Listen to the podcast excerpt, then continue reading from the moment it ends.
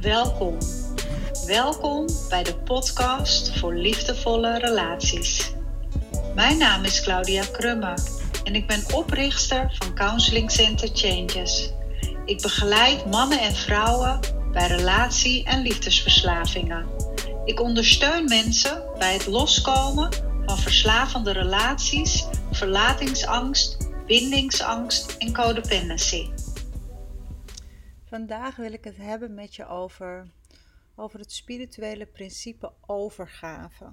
En overgave is een, is een principe waarmee ik zelf kennis heb gemaakt um, toen ik in 12 stappenprogramma's zat. En vandaag de dag is het een principe wat ja, een soort van geïntegreerd en verankerd is in mijn leven. En waar ik ook af en toe uitschiet. Maar een belangrijk onderdeel is Ehm, ja, bij het leven van een gelukkig leven en ook bij het herstellen en helen van uh, relatieverslaving en codependency. want de tegenhanger van overgave is controle.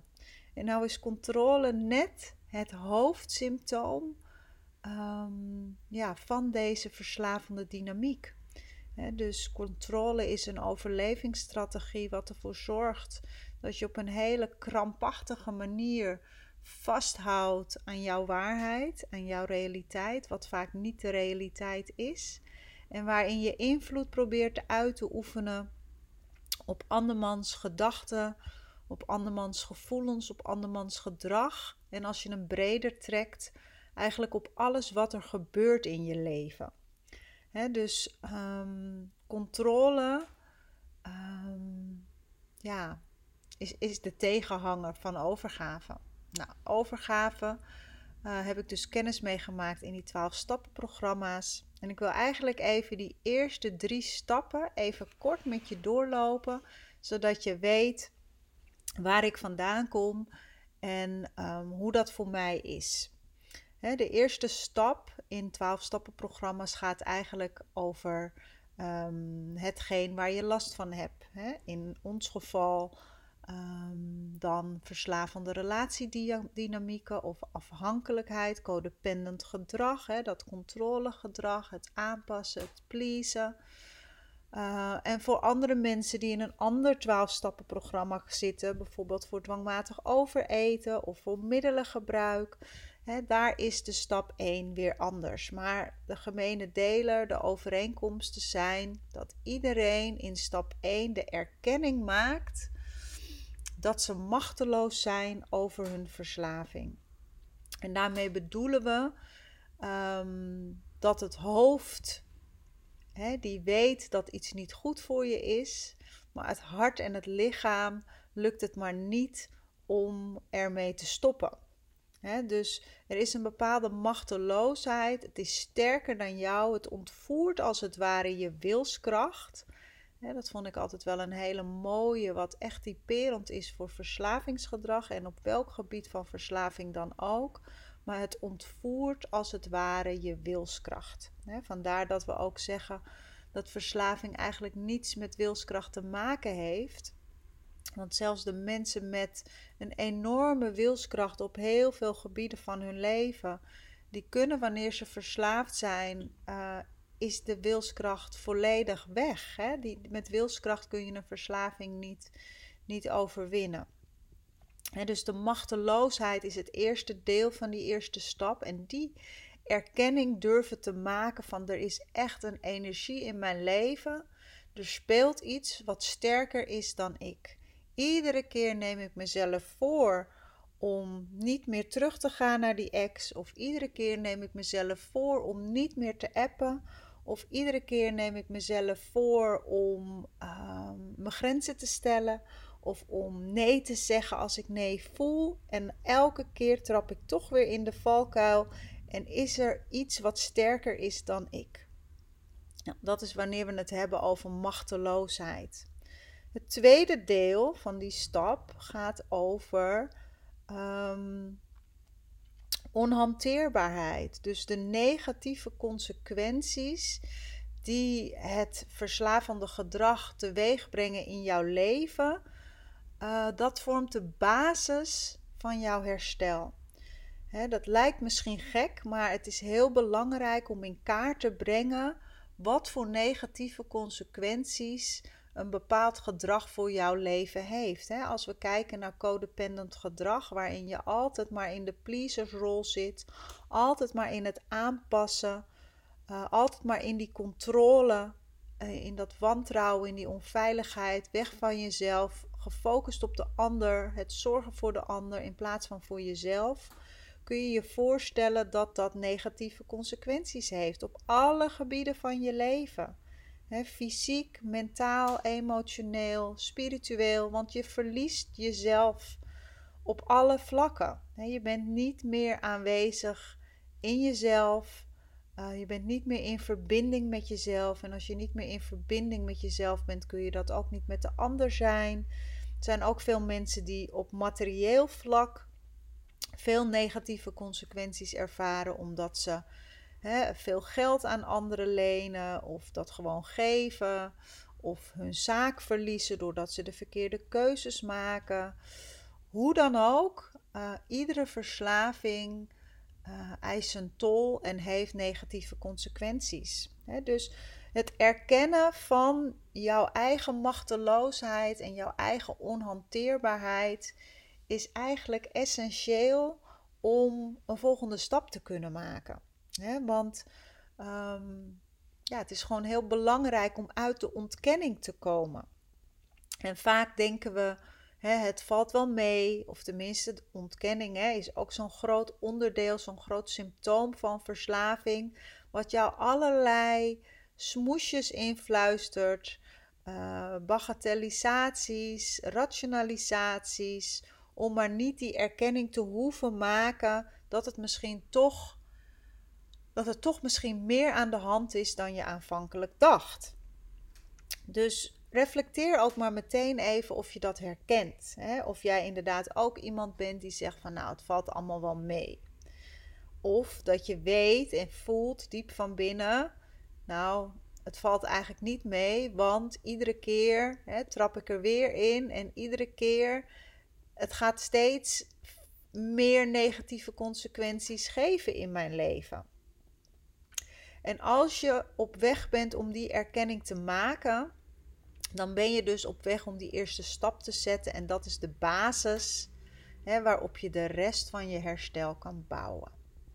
Hè, dus dat even als introductie. Dan de tweede stap. Hè, dus die eerste stap is eigenlijk de enige stap die gaat over een middel of over een gedrag. En um, de rest van de stappen in een 12-stappen-programma zijn spirituele stappen, spirituele principes uh, die het leven gewoon makkelijker maken. En met name dus die eerste drie stappen, die zitten bij mij zo verankerd um, en beklijft dat ik daar de rest van mijn leven profijt van heb. En het ook graag weer wil doorgeven aan anderen. Nou, als we zo meteen de principes van stap 2 en 3 gaan bespreken, zul je ook merken als je al langer met spiritualiteit bezig bent. Je hoeft daarvoor niet speciaal in een 12-stappen-programma te zitten. Dat zijn gewoon principes die in alle spirituele kringen gebruikt worden. Hè, principes als vertrouwen, overgave, hoop. Hè, dus het is niet alleen maar gerelateerd aan die twaalf stappen, maar dat is wel de manier waarop ik er kennis mee heb gemaakt. En ze ook ontzettend waardevol vind. En dat maakt wel ook die 12 stappen programma's zo waardevol. En dat maakt ook waarom er dus mensen zitten in die groepen die soms 30 jaar nuchter zijn en nog steeds uh, naar die groepen gaan, omdat het spirituele fundament um, hun leven gewoon leuker maakt en beter maakt. En dan gaat het al lang niet meer over uh, het actieve verslavende deel. Dat ligt al lang achter, achter hun. Uh, maar het toepassen van die spirituele principes in het leven maakt het leven gewoon lichter en leuker. Goed, uh, de tweede stap is: we kwamen ertoe te geloven dat een macht groter dan onszelf ons weer geestelijk gezond kon maken. Nou, dat was nogal een, uh, een stap. Toen ik dat voor het eerst hoorde, had ik daar enorm veel weerstand op.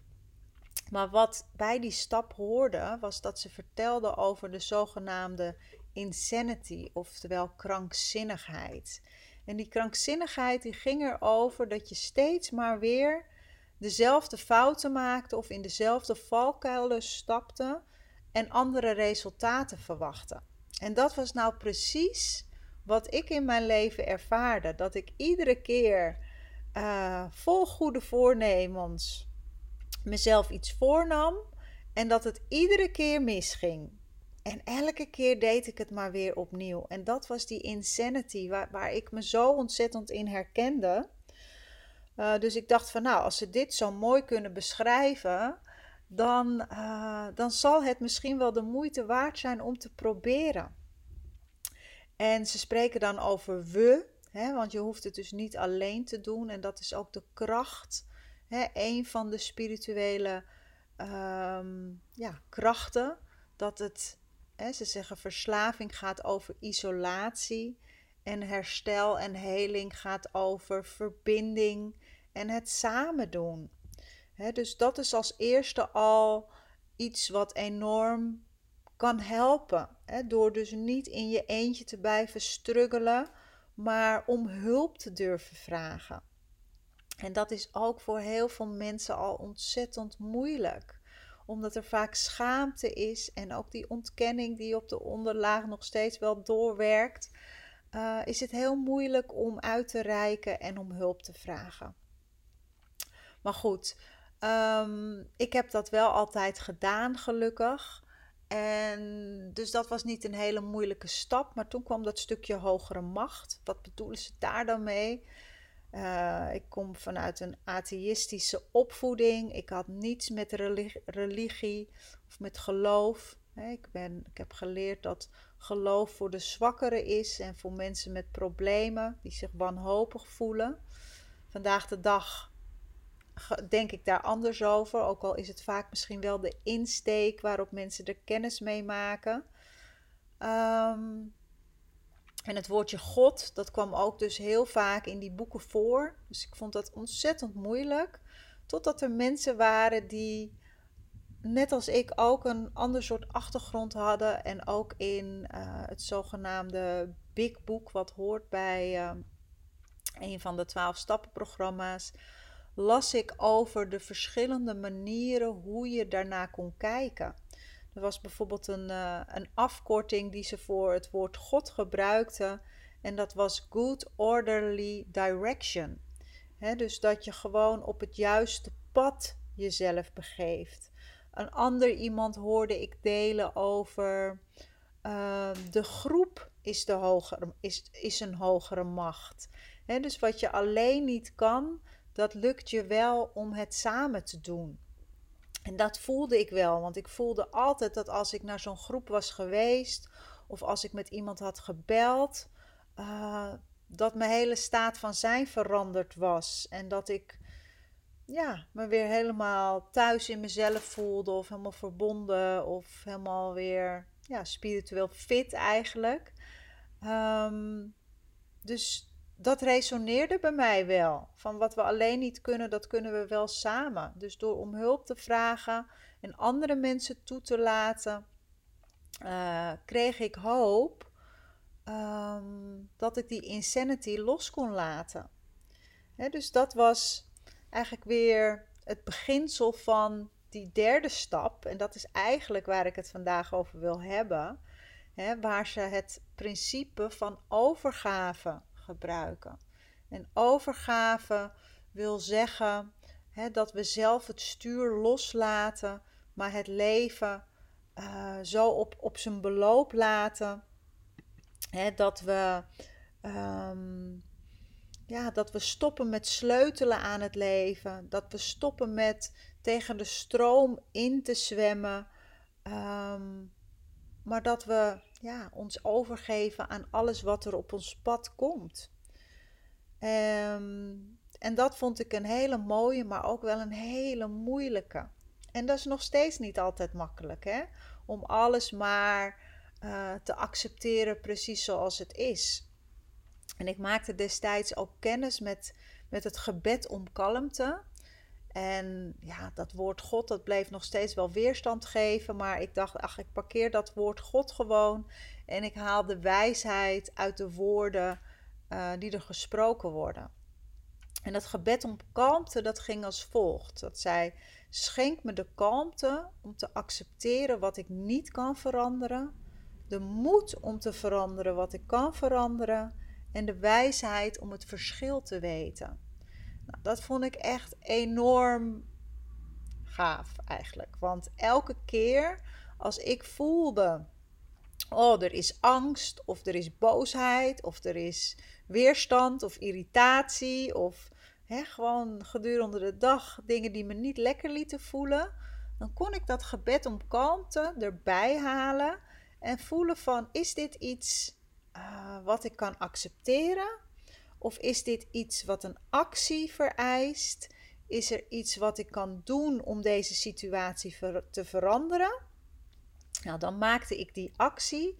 En als ik kon voelen dat dit buiten mijn macht was, dat het gewoon iets was wat het leven op dat moment bracht, uh, dan kon ik in de acceptatie gaan.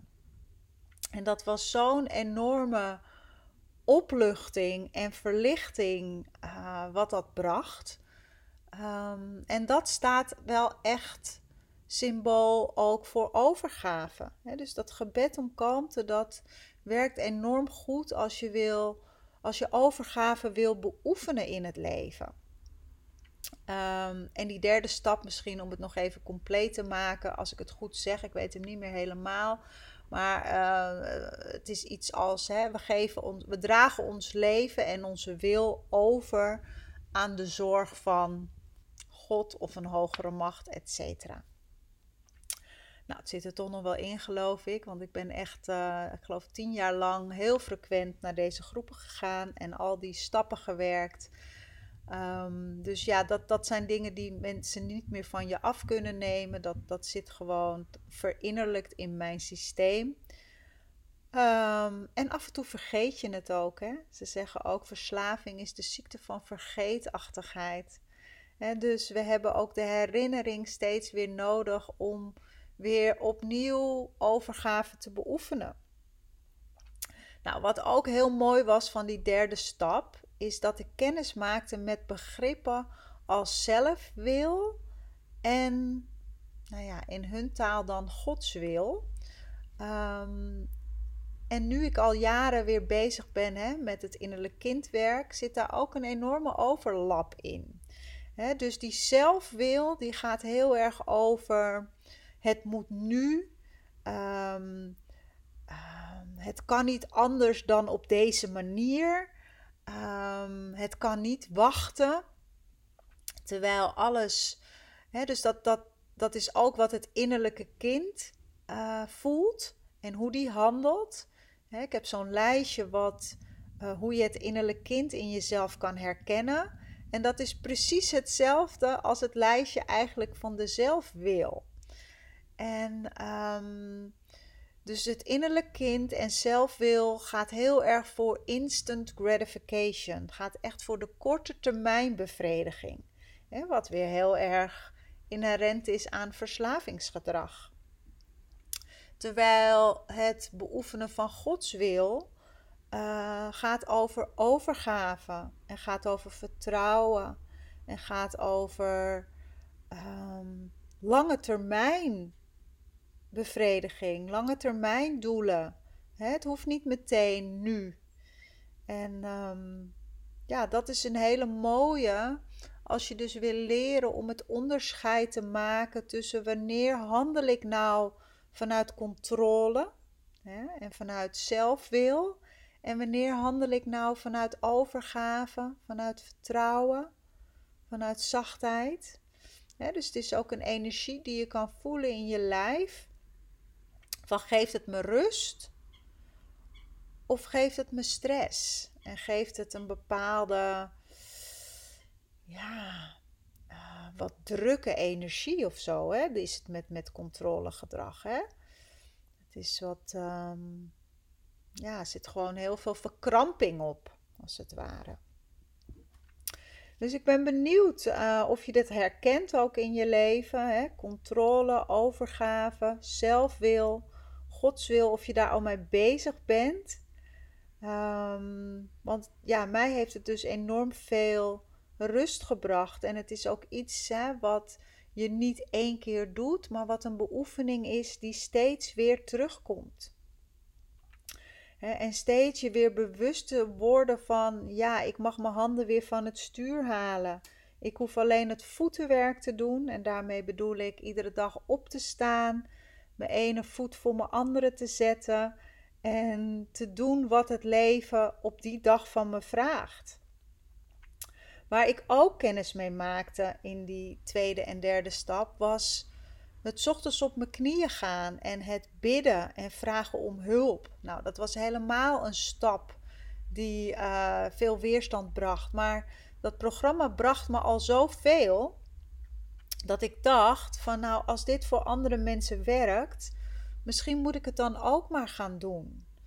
Uh, en ik leerde ook dat bidden ging over om hulp vragen en um, mediteren ging over het luisteren naar het antwoord. En dus ik ging gewoon beide gewoon beoefenen.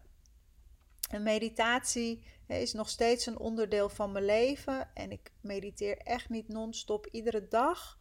Maar ehm, bij tijd en wijle ja, pas ik het weer toe. En is er weer een periode dat ik het wel heel frequent doe. Uh, en je kunt natuurlijk ook mediteren in heel veel verschillende vormen. je hoeft niet alleen maar te mediteren op een kussentje. En je kunt ook mediteren als je de afwas doet. Of uh, wanneer je aan het wandelen bent. dus er zijn heel veel verschillende vormen. En datzelfde geldt voor bidden.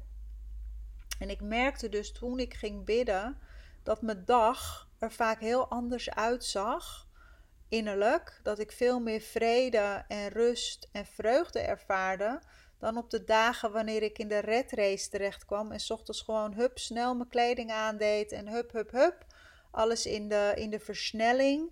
Dan, dan kwam er dus een hele andere energie op gang als wanneer ik rustig de tijd nam om rustig te zitten, even te mediteren, even te bidden op mijn knieën om hulp te vragen, even die stappen te doorlopen, die erkenning te maken dat ik machteloos was over een van mijn verschillende verslavingen, want dat zijn er een hele hoop geweest.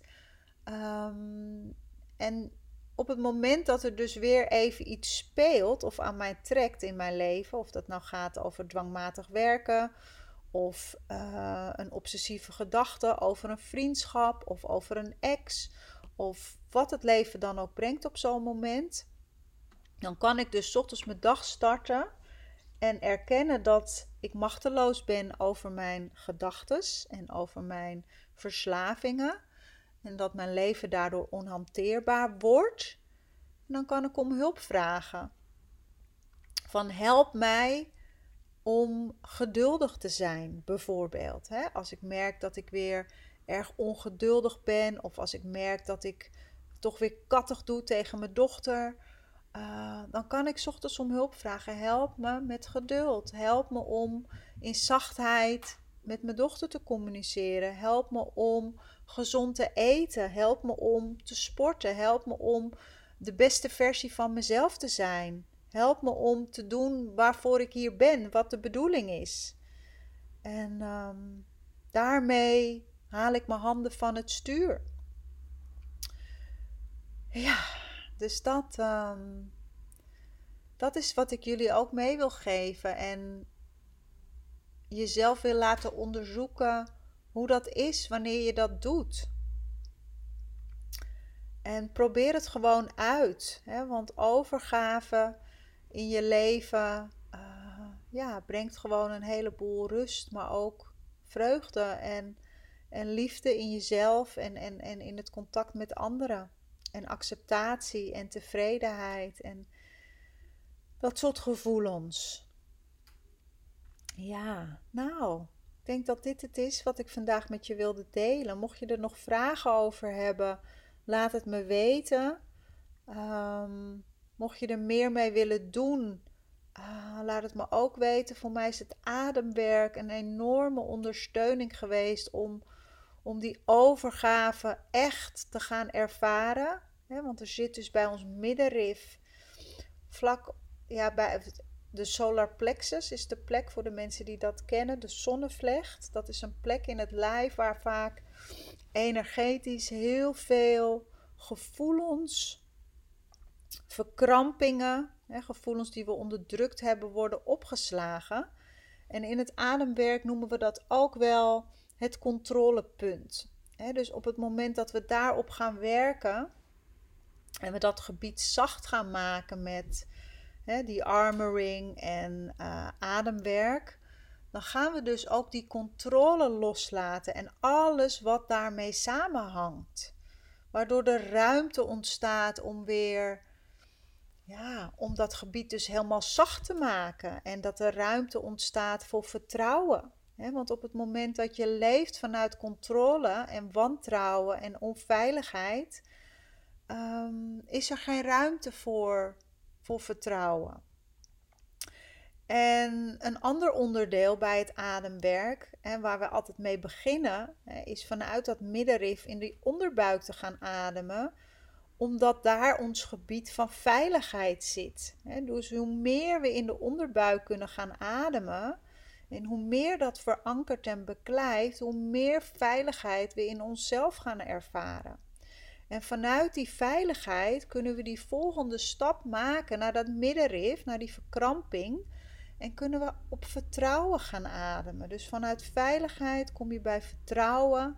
En vanuit vertrouwen kom je bij overgave. Dus het zijn daadwerkelijk stop, stoppen, stappen die zich in een volgorde voldoen. En ehm, ja, die je leven gewoon transformeren en, en beter maken. Dus ben je nieuwsgierig daarnaar?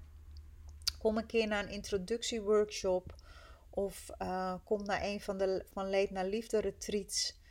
Um, je zult merken dat het, uh, ja, dat het je enorm veel brengt in het leven. Goed, daarmee wil ik afsluiten voor vandaag. Ik wens jullie allemaal een hele fijne dag in overgave.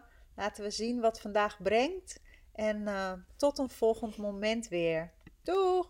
Super bedankt voor het luisteren naar deze aflevering. Heb je iets gehad aan deze podcast? En denk je dat het ook waardevol voor een ander kan zijn? Deel het dan gerust op social media of aan iemand persoonlijk, op WhatsApp of op Messenger. Op deze manier draag ook jij een steentje bij aan mijn missie. Het is mijn missie om zoveel mogelijk mensen te ondersteunen bij het helen van trauma en oude wonden, zodat iedereen een gezonde relatie met zichzelf kan ontwikkelen en van daaruit ook met anderen. En heb je nou het gevoel dat je meer nodig hebt dan alleen luisteren naar mijn podcast? Neem dan een kijkje op een van mijn websites en onderzoek welke vorm van ondersteuning het beste bij jou past. En kom je er alleen niet uit? Stuur ons dan een mail, dan kijken we graag met je mee. Voor nu wens ik je een liefdevolle dag toe en tot volgende week.